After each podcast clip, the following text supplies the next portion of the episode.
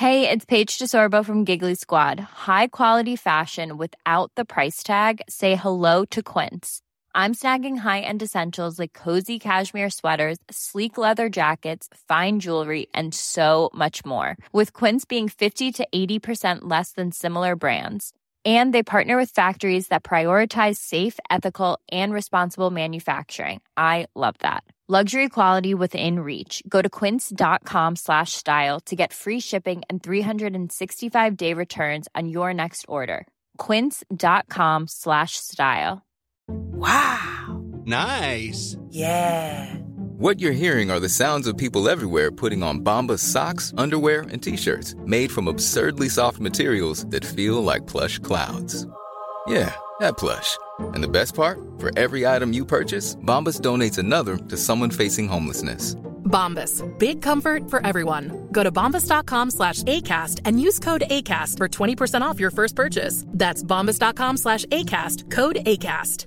A lot can happen in three years, like a chatbot may be your new best friend. But what won't change? Needing health insurance. United Healthcare Tri Term Medical Plans, underwritten by Golden Rule Insurance Company, offer flexible, budget friendly coverage that lasts nearly three years in some states. Learn more at uh1.com. Hei, kjære lyttere av Becoming. I dag har vi en eh, helt ny type episode. Dette er faktisk eh, aller første episode av det som jeg Isabel kaller for Tirsdagsklubben. For back in the days, faktisk ikke så veldig lenge siden, kanskje i sommer, så begynte vi Isabel med en greie som vi kalte for Tirsdagsklubben. Det handla egentlig om at vi skulle møtes um, hver tirsdag. Noen ganger var det på FaceTime, noen ganger var vi så heldige at det var i virkeligheten. Og i Tirsdagsklubben så skulle vi dele hva vi har lært den siste uka i denne personlige livsreisen vi er på, og eventuelle eh, ting vi måtte overkomme, eller ting vi har slitt med, så skulle vi da guide hverandre. Men siden vi leser mye bøker, vi tar online kurs og vi hører på podkaster, så er det fint å kunne ha et forum en spesiell dag hvor vi kom sammen for å dele det vi har lært. Så vi oppretta Tirsdagsklubben. På Tirsdagsklubben var det ikke vanlig venninneprat, og det var ikke den type ting. Det var dele hva vi har lært, og hva vi på en måte trenger hjelp til å overkomme. Og Noen ganger så havner Tirsdagsklubben på en torsdag, noen ganger havner han på en lørdag, noen ganger så glemte vi den helt, men selve konseptet med Tirsdagsklubben er noe som vi har trivdes svært godt i, og noe som vi nå ønsker å videreføre til podkastformat. Så nå skal du få lov til, i hvert fall annenhver tirsdag, så skal du få lov til å høre meg og Isabel dele med hverandre hva vi har lært, hva vi har måttet jobbe med, og gi hverandre tips og råd på denne deilige reisen som livet består av. Og dersom du som lytter tenker at dette her høres fint ut, så vil jeg anbefale deg å starte din egen tirsdagsklubb. Hvis du har problemer med å finne noen, så kan du gå inn på vår Instagram, som er at Becoming the Podcast. Der vil du se at vi har lagt ut et bilde hvor som det står Tirsdagsklubben på, og der inne skal vi rett og slett lage en liten vennskapstråd, der du kan få lov til å finne noen i kommentarfeltet som du kan danne en sånn online tirsdagsklubb med. Kanskje det er bare én person, kanskje du har en tirsdagsklubb med mange. Det gjenstår å se, men vi håper at du vil joine inn på hele dette fantastiske konseptet som da er Tirsdagsklubben. I dagens Tirsdagsklubb skal vi snakke om julen. Hvordan du kan ta med deg de triksene og tipsene vi ga i sesong én, inn i julen og familietid. Vi skal innom familiedynamikk, stress, press, forventninger, skam og mye mer. Fordi julen er en magisk tid for veldig mange, men ikke for alle. Og derfor har vi ønsket, eller ønsker vi, å gi deg som sier at julen kanskje er litt vanskelig, aller først aksept og anerkjennelse for de følelsene du har, men også råd og verktøy til hvordan du kan kjenne på at julen kan bli ok allikevel. Denne episoden er nok sterkt ønsket eh, fra meg. for jeg trenger alle disse tipsene og rådene for hvordan jeg kan gjøre min jul litt mer overlevbar. Jeg har jo de siste årene eh, jo mer ærlig jeg har blitt med meg sjøl om meg sjøl, jo lettere har jeg for å innrømme at jeg syns jula er kjip. Jeg syns jula har et eh, forventningspress jeg ikke vet helt hvor kommer fra. Jeg føler på veldig mye ensomhet i jula, til tross for at jeg ikke finnes ensom. Jeg føler på et, um, et press på hvordan huset mitt bør se ut, med tanke på at jeg er litt offentlig med huset hjemme på Instagram. Uh, og jeg føler på det som du sa eh, innledningsvis nå, denne her tvangskosen, at nå, nå skal vi kose oss. Så jeg har prøvd um, alt de siste årene for å på en måte skape den perfekte juleidyllen. I fjor så fikk jeg inn et fire meter høyt juletre, ekte, inn i stua mi. Eh, min søster sto oppå en barkrakk oppå eh, eh, kjøkkenøya mi og danderte juletreet eh, med forskjellige sånne grillspyd, sånne eh, eh, pølseklype, for å liksom få satt ting opp på toppen av det juletreet.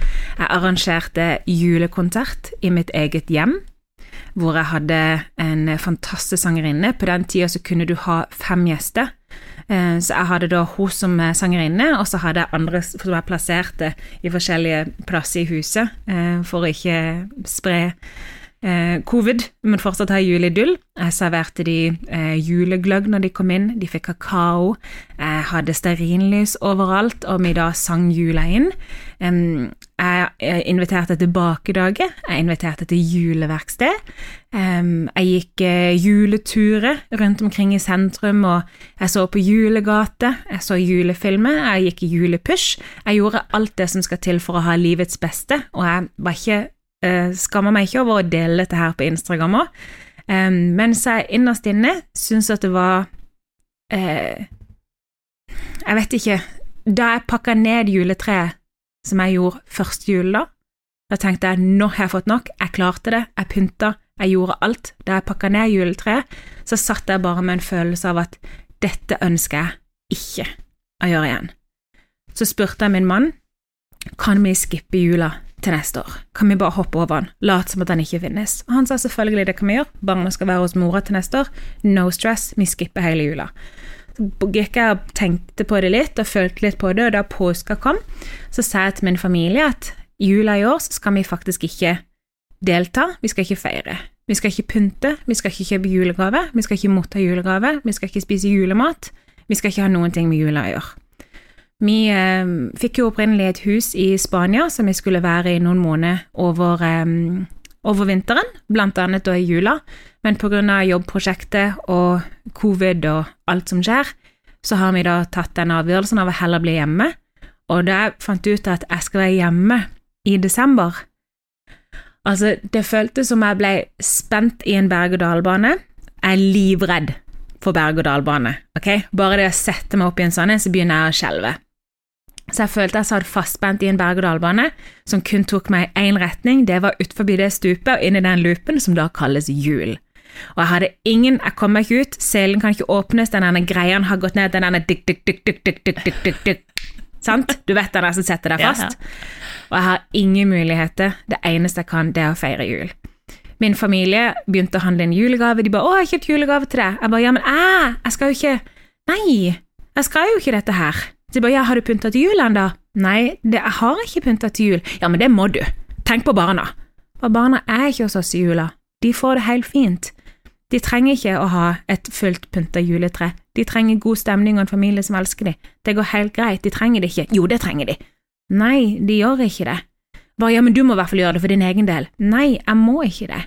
Så ja, men jeg kjøper i hvert fall julegave til deg. Ok, men jeg skal ikke delta så har det endt opp med at vi da faktisk skal delta. Vi skal eh, dra på en julemiddag på julaften. Men eh, utover det så prøver vi fortsatt å leve så vanlig som mulig, og ikke kaste oss inn i alt det som jula er, for at min berg-og-dal-bane skal føles litt lettere. Og jeg har jo med flere anledninger prøvd å finne ut av hva i all verden er det som skjer. Har jeg noen store, dype traumer? Har jeg noen kjempestore, gamle sår? Eller er det bare det at jeg er litt overarbeida og ser på julen som enda en arbeidsoppgave som jeg bare ikke orker å ta på meg? Så jeg gleder meg veldig til dagens episode.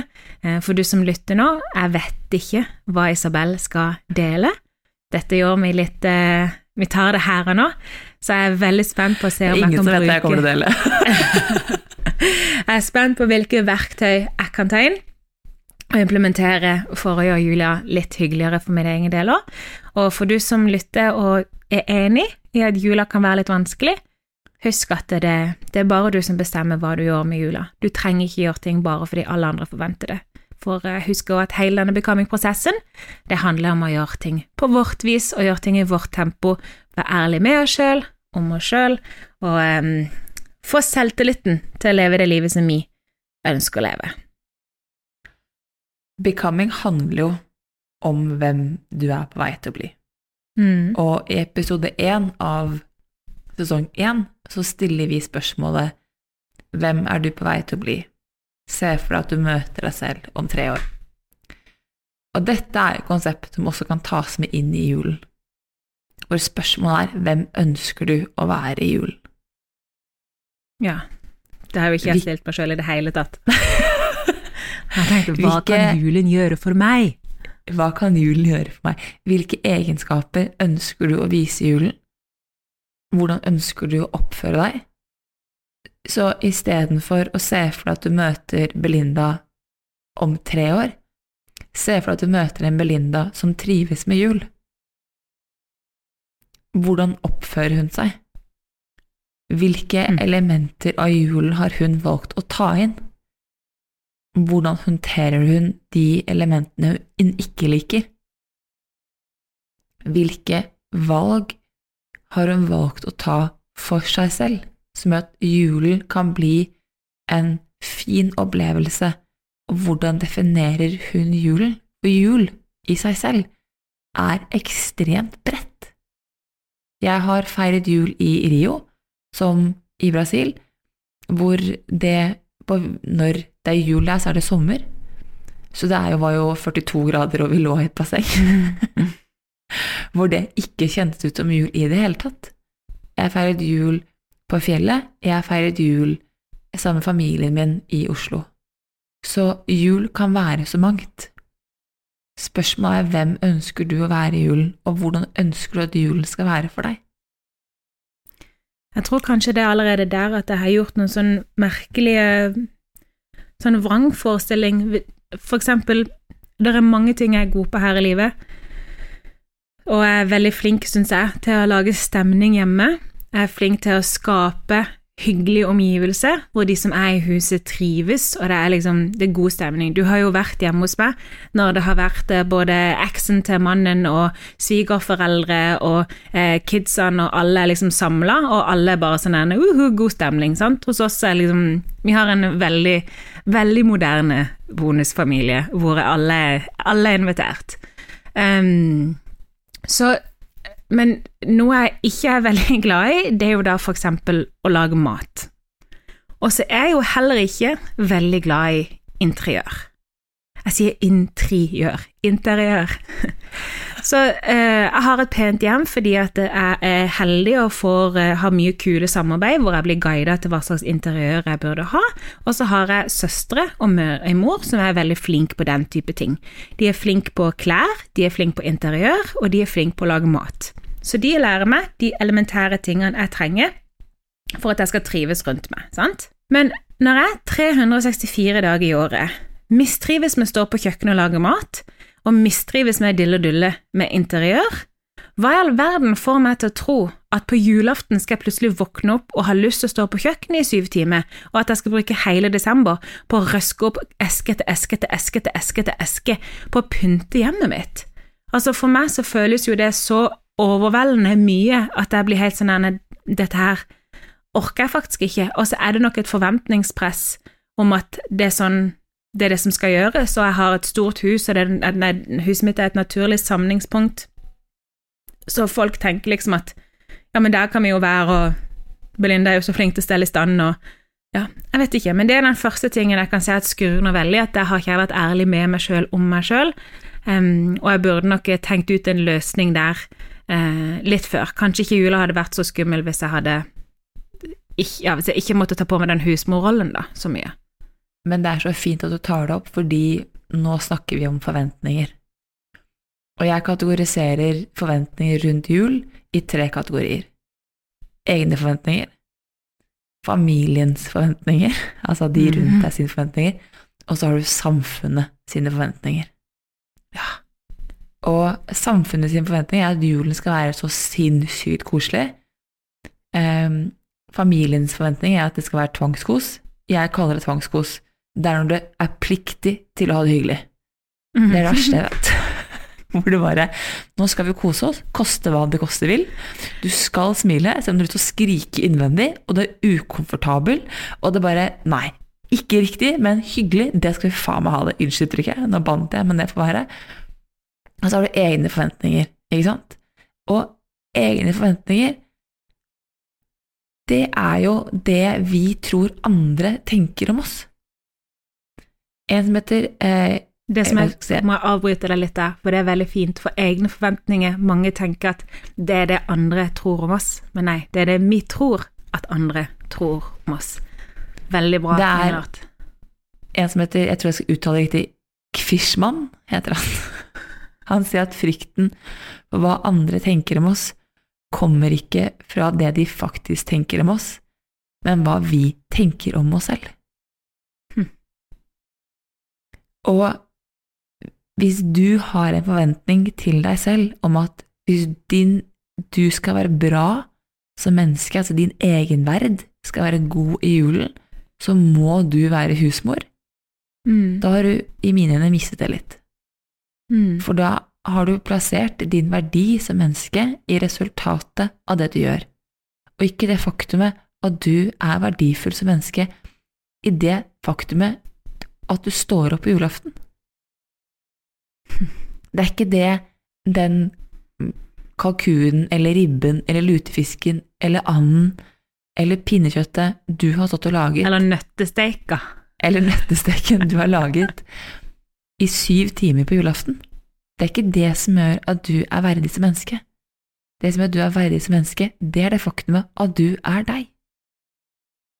Men vi er samfunnet, og vi som mennesker har en tanke om at vår verdi er basert på resultatene vi kan vise til.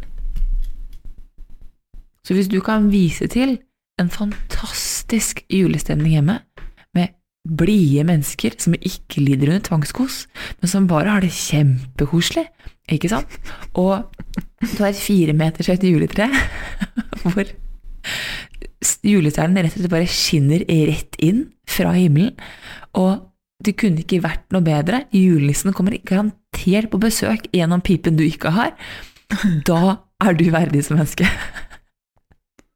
Ja, og det er jo rart med det, for jeg har jo innsett dette året at jeg har hatt en veldig sånn resultatbasert kjærlighet um, når det kommer til min mann, at han får lov til å elske meg når jeg har gjort noe for å fortjene hans kjærlighet.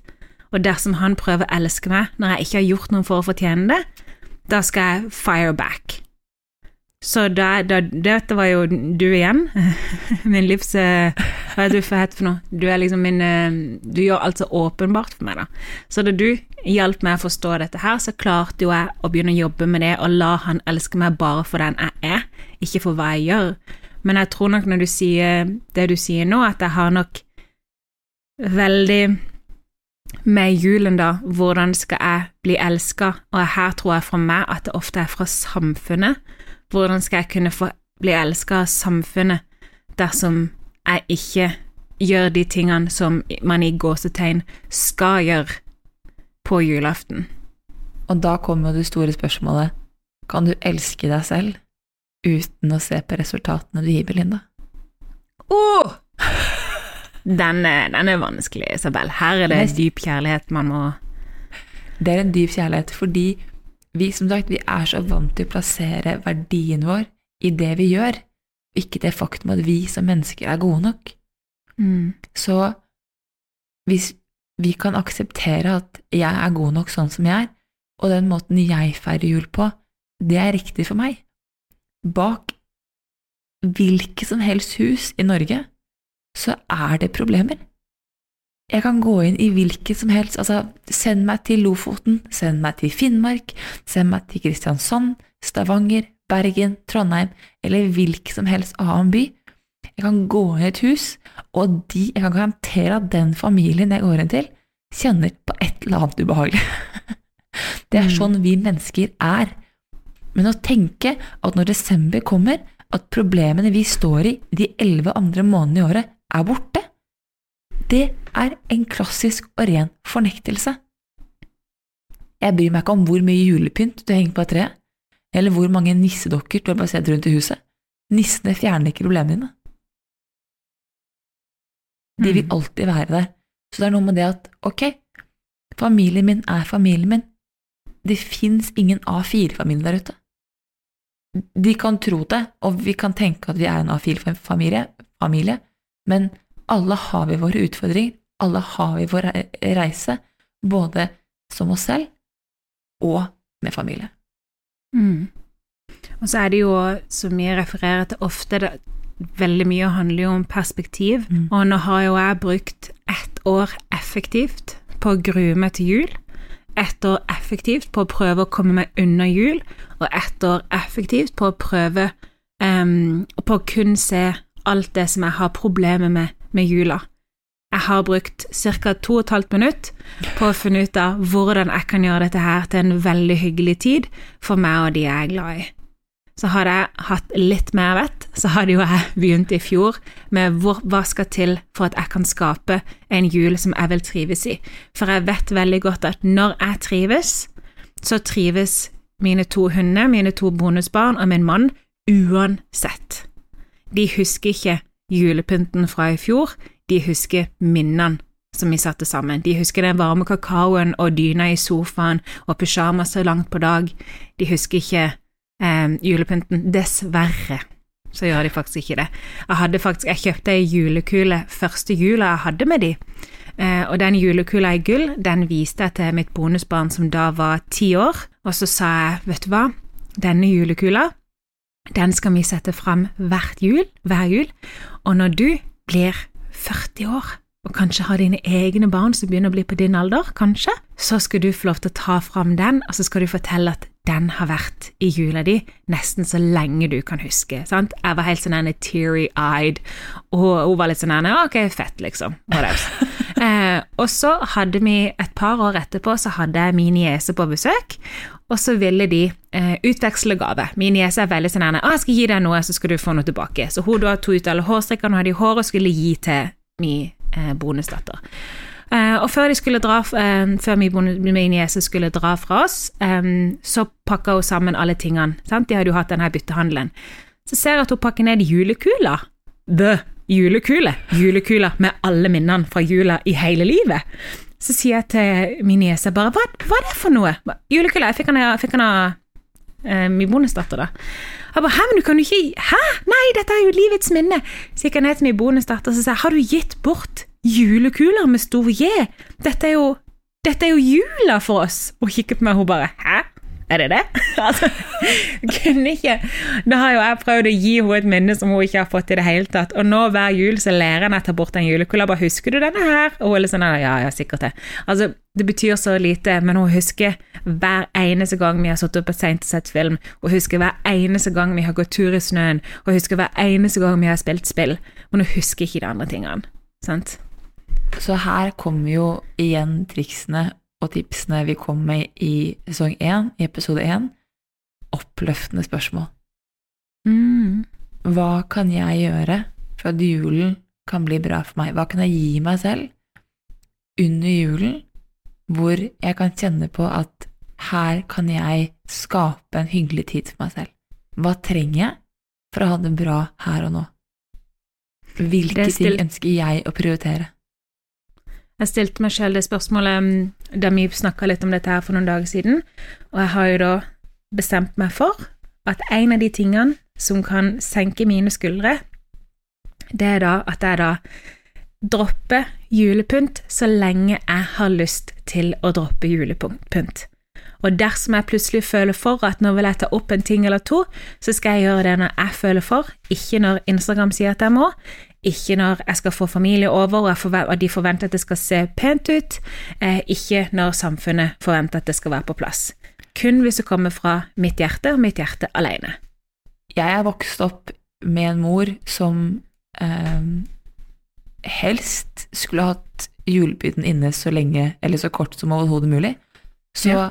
Lille julaften, da pyntet vi huset til jul. Ja, det, det er jo det er psykopatiske trekk, Isabel. Og, så, og da var det Jeg sånn en samtale med Sis. Og da, men det var så magisk, fordi da jeg var liten, så fikk jeg lov til å Gikk jeg opp på rommet med min søster, og så pyntet de juletreet og alt sammen nede. Så når jeg kom ned på julaften, så var det full julestemning. Den julestemningen var inne i sånn cirka en uke. Sånn vi bikket 1. januar, 2. januar, da var alt sammen ned. Vet du hva, det sa meg noe av det hyggeligste jeg har hørt. For det var, og det var en intens periode, intens periode med julepynt, perfekt.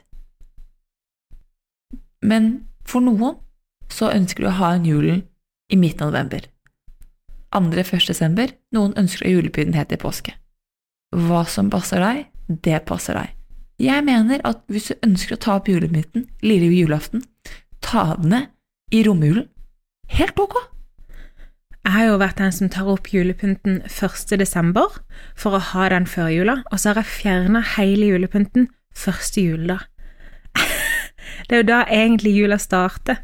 Ja. 25. desember. Ja. Så jeg tenker at altså, finn det som er rett for deg. Det handler om at det å tørre å stole på magefølelsen, stole på sin indre stemme, og den personen du er på vei til å bli, det er jo den personen du skal høre på. Mm. Hva alle andre mener, hva alle andre gjør, det er alle andre sin sak. Mm. Becoming handler først og fremst om deg, hvem du ønsker å være. Og hvis vi velger, og det er et valg, å bli, legge oss inn i samfunnets forventning, press, på hvordan julen skal være, eller hvordan julen bør være, da går vi veldig fort inn i offermentaliteten. Det er ikke Mm. min feil, folk forventer det. Hadde det vært opp til meg, så hadde jeg Stakkars meg som er nødt til å gjøre dette her fordi alle andre sier at jeg må. Mm. Mens offermentalitet, da fraskriver du alt ansvaret over på alle andre. Og du har ikke noe kraft igjen i deg som person. Becoming handler jo i seg selv om å ta tilbake kraften du har som menneske. Mm. Det å tørre å ta valg basert på hva du faktisk ønsker. Ja, hvis du har små barn, så ta hensyn selvfølgelig til de hvis det er noe som føles rett for deg. Hvis du har andre mennesker du ønsker å ta hensyn til, gjør det, men da er det et valg du tar. Det å tørre å ta eierskap til valgene man selv tar, det tenker jeg er viktig. For da er det ikke noen, det er ikke et press som blir lagt på deg, det er ikke en retningslinje som blir gitt deg. Det er noe du selv har valgt å gjøre, og som Marisa Pair har lært meg, og som jeg har lært deg, Belinda, og våre kjære lyttere, er at ordet jeg velger er det magiske ordet som skaper endring.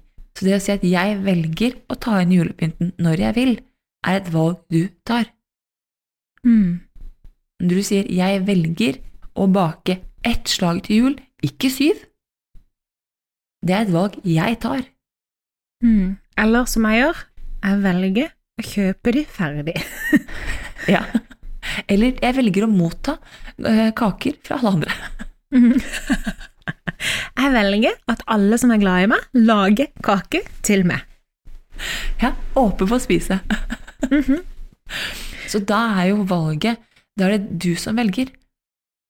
For jeg, min opplevelse er at hvis folk forteller meg hva jeg skal gjøre, så, så, så blir jeg sittende på bakbenn og bare ikke søren. Jeg har ikke tenkt, tenkt å gjøre det, det du forteller meg, jeg har ikke tenkt å prøve å gjøre noe som helst for å passe inn i din lille boks. Jeg gjør Isabel, og hvis du sier går til venstre, da går jeg veldig fint til høyre, og vi snakkes aldri igjen. Ha det bra. De av dere som kjenner til Human Design, vil kanskje skjønne at Isabel har en Deathgate. Jeg har ikke en, jeg har to. Du har to! jeg har én. Så jeg har den er ikke fortell meg hva jeg skal gjøre, det skal jeg være. Ja, ja. Jeg har do, så det er ikke tenkt på det. Ja. Men hvis jeg selv kan ta valget om hva som er rett for meg, og noe av det jeg har implementert og kommer til å implementere i julen, er at jeg kommer til å fortsette med min egenutvikling. fortsette med de gode rutinene jeg startet opp før desember kom. Desember er ikke et, et friminutt eller pause fra, den, fra det livet jeg ønsker å leve om tre år. Det er ikke sånn at du kan legge inn liksom, jobben elleve måneder i året, og så bare cruise igjennom. Eh, den tolvte. Jeg kommer til å implementere de tingene som er viktige for meg gjennom hele desember.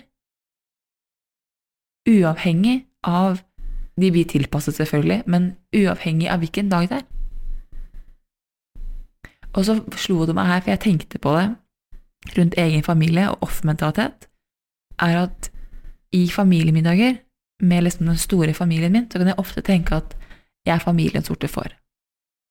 Der sitter Isabel Englert og er familiens sorte får, hun er hun som gjør ting annerledes, ikke sant, passer ikke inn. Og så begynte jeg å tenke, og så slo det meg, men vent litt, hvis jeg spør alle mennesker rundt det bordet her, så kan jeg garantere deg at alle sammen kjenner at de er familien sorte får, uavhengig av hva jeg kjenner på. Fordi julen, den bringer frem de sårene vi går og bærer. Mm. Det er vel én eh, som sitter rundt bordet og tenker at jeg er familien sorte får fordi. Ikke sant? Jeg er familien sorte får fordi. Og plutselig så er det jo tolv sorte får rundt bordet. Og da, Mm. da er jo tanken Da er det det hvite fåret, da, som er utenfor. Så det er liksom det at det å begynne å se ting i perspektiv, og tenke at ok, julen er faktisk det du gjør selv. Mm. Det er ikke det alle andre sier du skal gjøre, det er det hva du velger å gjøre ut av det for egen hånd.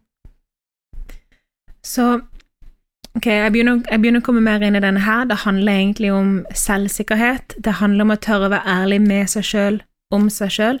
Det handler om å akseptere det faktum at andre kanskje er imot det du ønsker å gjøre, men å faktisk være tro mot deg sjøl og være stødig med deg sjøl, være den klippen som du sjøl trenger. Men i, jeg tror kanskje det var første eller andre episoden av um, Becoming sesong 1, så refererte vi til hovedunnskyldningene til at man ikke gjør noe man skal gjøre.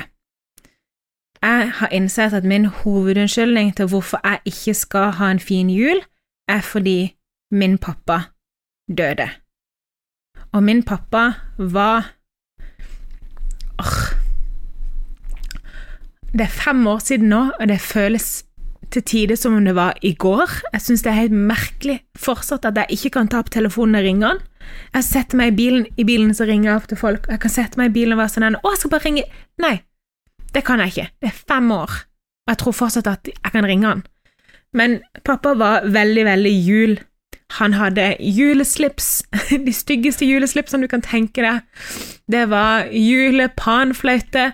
Han sto på kjøkkenet dilla dulla, han var så sjarmerende, han var sånn, Han var en veldig romantisk kar, så han um, Du vet disse Instagram reelsene som sier you, you got to start romanticizing your life, sant? Han romanticized his life. Han skapte stemning. Og det å åpne døra der til jul og se hans sitt ansikt, det var bare verdens fineste følelse. Så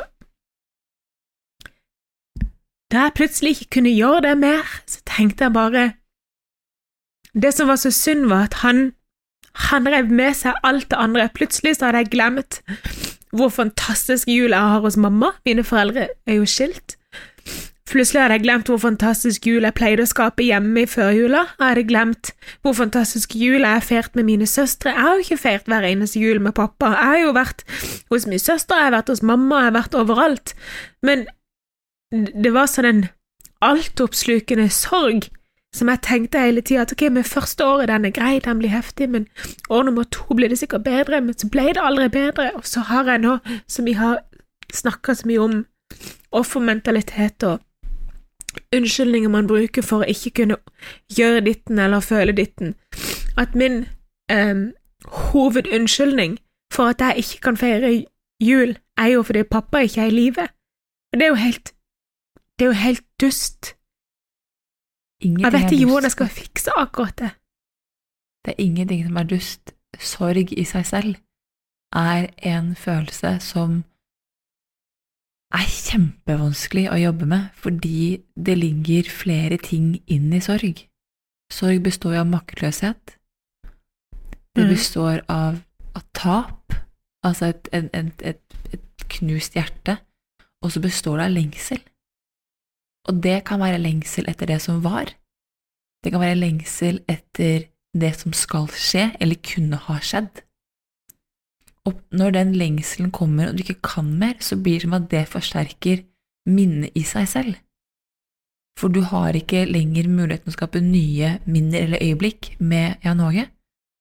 Du har bare de minnene du hadde. Og så er det så rart når jeg skaper nye. Jeg har en ektemann, to, to bonusbarn, to hunder, et nytt hus. Jeg har fader meg kjøpt meg Volvo. Sant? Først så kjøpte vi Tesla, som var pappas drømmebil, og så bytta vi ut Tesla med Volvo. Altså, pappa kunne jo ikke blitt mer stolt enn at jeg gikk for en Volvo. Og så er det jo når jeg skaper god stemning hjemme, og det er dette her som er så vilt, at jo finere og hyggeligere vi har det hjemme, jo større blir savnet og sorg etter min far.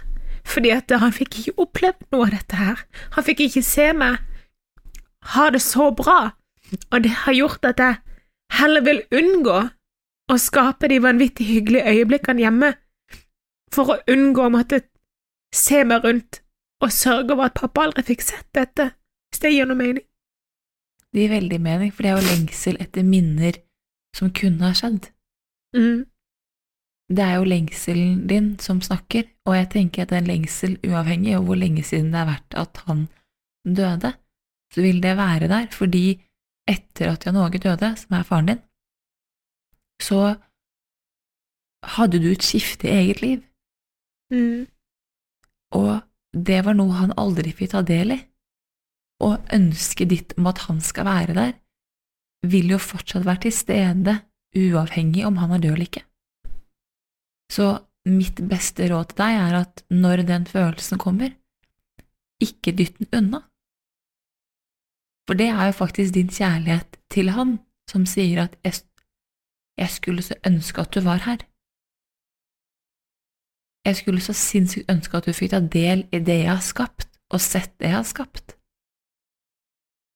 Det er en utrolig fin kjærlighet, vond, ubehagelig, eh, absolutt, eh, for la oss, la oss være ærlige, dette er ubehagelig, men det er en, i seg selv så er det en kjærlighetserklæring du har til faren din. Mm. Du hadde, det vært, hadde vært en naturlig del at du var her sammen med meg. Ja. Så hva gjør jeg? Du står i det. Hæ? Ingenting annet jeg kan gjøre. Bare skru det av. jo mer, jo mer du prøver å skyve det unna, og det er uavhengig av hvilken følelse som ligger rundt i julen, uavhengig av hvilken følelse du forsøker å, dytte unna, så vil du, som vi sa i Becoming-episoden, du kan ikke selektivt numme følelser. Og jo mer du prøver å dytte sorgen og lengselen etter Jan Åge, jo sterkere blir den. Så det jeg tenker er jo at hadde du, ikke hadde du, men et tips vil være det at ok, så står du der, og så på julaften, du kjenner lengselen etter Jan Åge, jeg skulle ønske du var her. Og så lar du deg bli fylt av tårer, og du gråter, og det er helt greit. Ikke noe galt, ubehagelig, ja. Neste gang det skjer, så er det kanskje mindre ubehag, mer kjærlighet, hvor du til slutt vil sitte, for da får kroppen din lov til å, å, å føle på det den trenger å føle på. Men det du har gjort, er du har sagt at jeg skal ikke kjenne på savnet av Jan Åge i løpet av julen. Jeg skal boikotte jul, for da slipper jeg å kjenne på sorgen. Jepp. Jeg skal ikke skape noe hygge hjemme, for da slipper jeg å kjenne på sorgen. Så du prøver å løpe fra sorgen, og så sier sorgen til deg at Belinda, du kan gjerne løpe fort og langt, jeg kommer til å ta det igjen uansett. Ja, og dessverre så løper jo jeg verken fort eller langt, så Jeg er litt, jeg er litt mer sånn som vi på Sørlandet kaller labbing. Jeg labber. Det er liksom en sånn rolig, koselig gange. Ja, hvis du, men hvis du labber da, ikke sant, av gårde, Ja. og så stopper du opp for du skal hente inn pusten din, ikke sant, eller hvis du prøver å løpe Ja. fort, så stopper du for å hente pusten, sorgen kommer da i rakettfart bakfra. Og da blir det overveldende vondt. Jeg forsøker ikke å si at det ikke er ubehagelig, fordi det er det. Å kjenne på en følelse du prøver å unngå, er ubehagelig. Å kjenne på endring i livet, uavhengig om det er eh, tap av eller det å miste foreldre, miste nære familievenner, miste barn, eh, eller at foreldre skiller seg, at ting skjer i hjemmet i seg selv, det er en endring, og noen endringer gjør vondt. Men hvis vi mennesker kan akseptere at det gjør vondt, og det er greit, så vet du like godt som at hvis den følelsen skal komme gjennom deg, så er det kjipt en time, ja, men etter det så er det som noe slipper i deg. Ja, det er jo det. Jeg hadde noen super eh, breakdown her forleden da. Kom på en julesang i, eh, i bilen, og jeg spilte Dagen etterpå så var jeg og besøkte Kristin, og så skulle jeg vise henne Vi skulle vise hverandre triste julesang, jeg vet da søren her hvorfor. Eh, og vi satt og gråt i bilen, og ja, jeg vet, jeg vet ikke hva vi drev med. Men så skulle jeg vise henne min triste julesang, og hun bare hva, hva du snakker om? Dette er jo en kjempehyggelig sang. Dette er jo en gosselåt. Og da jeg hørte den gjennom hennes øye, så var det jo faktisk en gosselåt. Det var en superhyggelig sang. Men akkurat den sangen er brakt fram et eller annet minne fra meg. Trond spilles i Home Alone, og jeg har sett masse Home Alone hjemme familien, i oppveksten, og bla, bla, bla. Sant? Trigga et eller annet. Og jeg parkerte bilen utenfor huset mitt, og så kikka jeg opp på huset, og så var det bare sånn derne full front breakdown. Nå skal du bare gråte sånn, Du gråter med skuldrene, sant. Du er liksom hele det. Jeg gråt i sikkert 45 minutter mens jeg husker på det du har sagt hele tida. Stå i følelsen, stå i følelsen, stå i følelsen. Og jeg bare boo fucking who. Livet er forferdelig. Stakkars meg. Eh, men etterpå så var det jo relief. Istedenfor at jeg bare svelgte det unna, prøvde å legge lokk på og distrahere meg sjøl, som jeg vanligvis har gjort. da. Julen er jo full av triggere. Ja, hvorfor er julen så vanvittig følsom? Julen er følsom fordi det er en tid, som sagt, hvor det er mye forventninger på at ting skal være perfekt, og perfeksjonisme i seg selv er jo den beste reisen til rett inn i skamfølelsen. Og skamfølelsen er jo den destruktive følelsen som du vet jeg ikke er god nok, som angriper din verdi som menneske. Og da kommer måte alt som du har prøvd å legge bort, Mm. utenfor familien, for familien er nærmeste familie, og familie i seg selv er jo de vi liksom har plukket opp Ikke liksom, det er de vi har plukket opp mange av våre ting fra. Eh, og når du begynner på din personlige reise, og blir klar over disse uvanene dine, de begrensende tankene dine, så kan du tenke at æ, det er ikke mine, det er pappa, eller det er ikke mine, det er mamma, ikke sant? Og så det, kommer det for nært.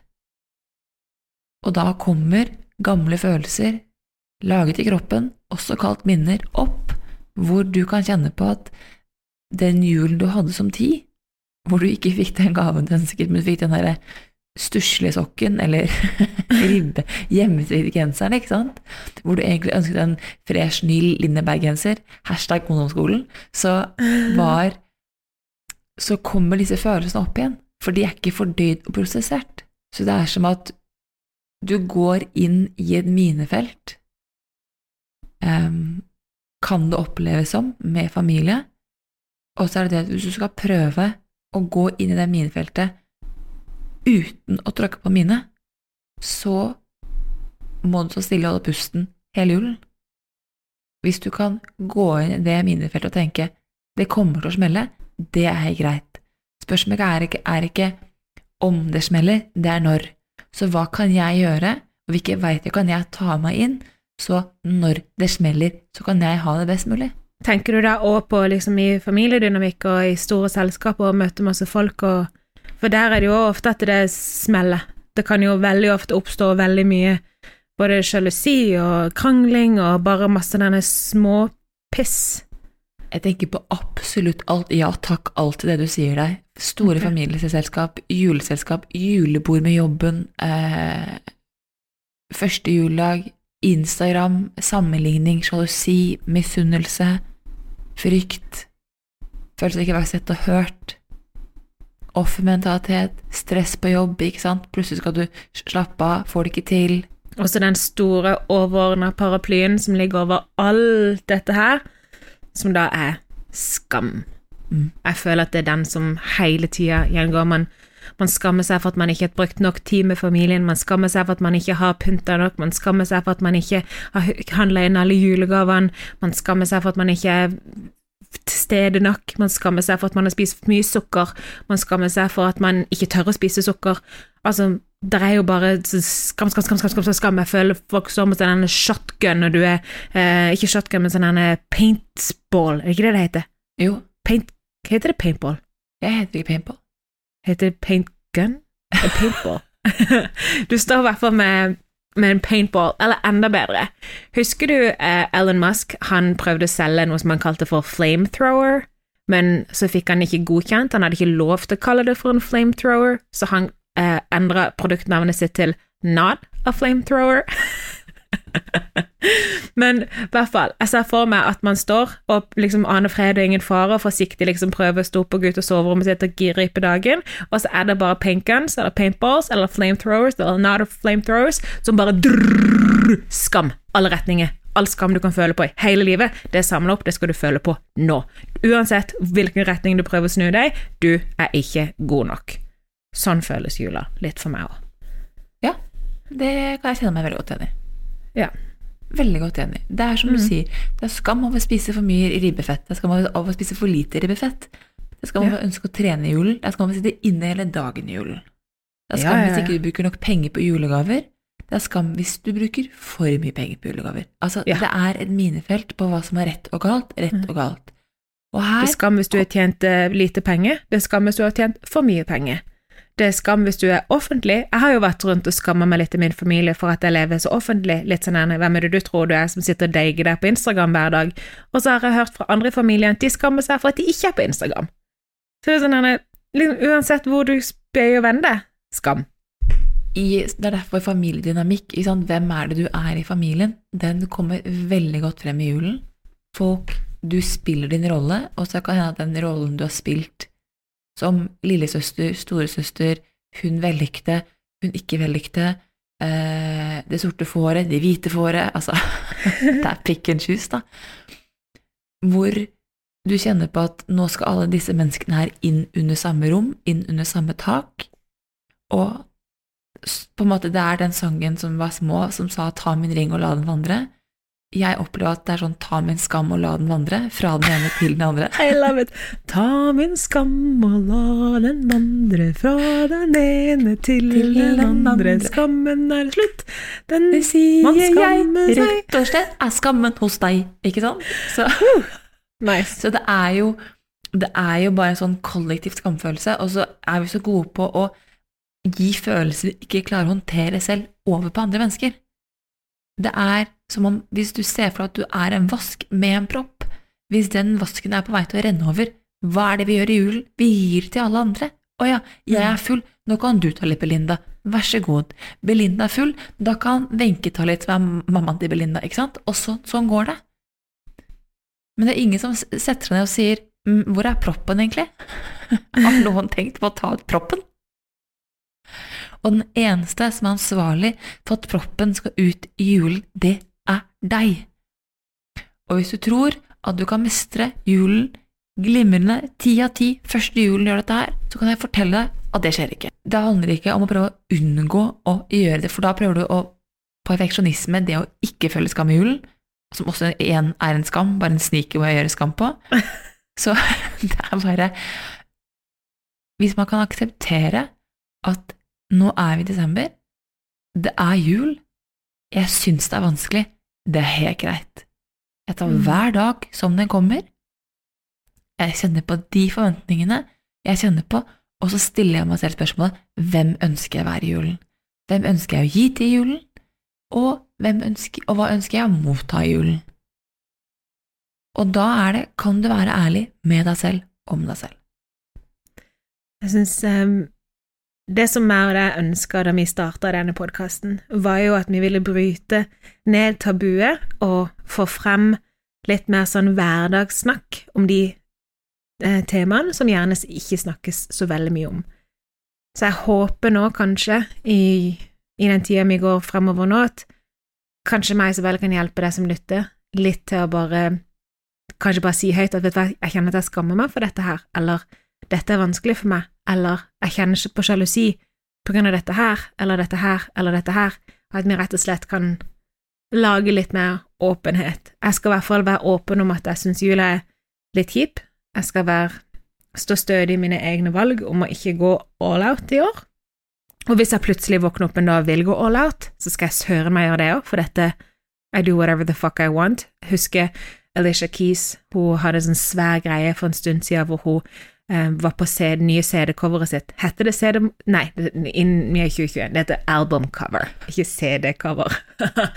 hun gjorde et albumcover usminka, så gjorde hun et intervju hvor hun sa at hun var ferdig med å, med å sminke seg. Og ikke lenge etterpå så sminka hun seg og ble tatt i å ta på leppestift et eller annet. Så var det noen som sa til henne bare unnskyld meg, skulle ikke du eh, være sminkefri, var ikke det hele den greie? Så sa hun bare excuse me, I do whatever the fuck I want. Og den likte jeg veldig, veldig godt. Så jeg skal gjøre whatever the fuck I want. Jeg håper at du som lytter på, gjør hva enn det som er riktig for deg, og så håper jeg at uh, du kanskje føler deg bitte litt mindre alene, og jula er ikke skapt for å være perfekt, og julestemning kommer faktisk ikke av et, verken et juletre eller den nye fancy julepynten, den kommer fra indre ro, avslappethet, tilstedeværelse med de som du er glad i, og bare det å kunne senke skuldrene litt. Så i år, min intensjon for jula, det er faktisk å senke skuldrene og bli mer kjent med meg sjøl, og være ærlig med meg sjøl og om meg sjøl. Og det, hvis du kjenner på at det er noen spesielle temaer du kjenner på er vanskelig i julen, så anbefaler jeg deg å gå inn tilbake til sesong én og gå gjennom de spesifikke episodene hvor du kjenner at dette er temaet jeg kjenner mye på julen. Bare sånn for å ha det i bakhodet, minne deg selv på vær en god venn for deg selv i julen. Og hvis du har lyst til å få noen inputs av gode ting gjennom jula, så kan du følge oss på eh, Instagram. Vi har da en Instagram som heter at becomingthepodcast, og har du lyst til å, som Isabel sier, å gå tilbake på gamle episoder, kan du enten lytte til de der du lytter til podkast her og nå, eller så har du muligheten til å se oss på YouTube. Der finner du oss på Becoming med Belinda og Isabel. Så husk at becoming er din prosess, og din prosess alene. Det er ikke familien sin, det er ikke samfunnet sin, det er deg og deg alene. Og nå ønsker vi at du skal gå ut eh, og lage deg sjøl en god dag. Og hvis ikke du har mulighet til å lage deg en god dag, så er det full forståelse for det, men pass i hvert fall på at du ikke går rundt og ødelegger noen andre sin. Takk for at du lytta. Ha det!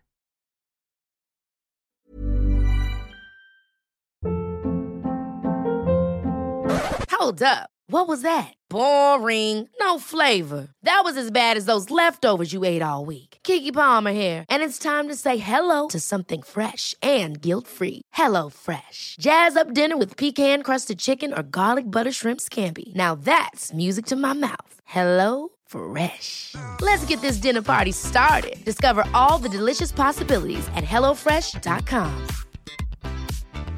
Planning for your next trip?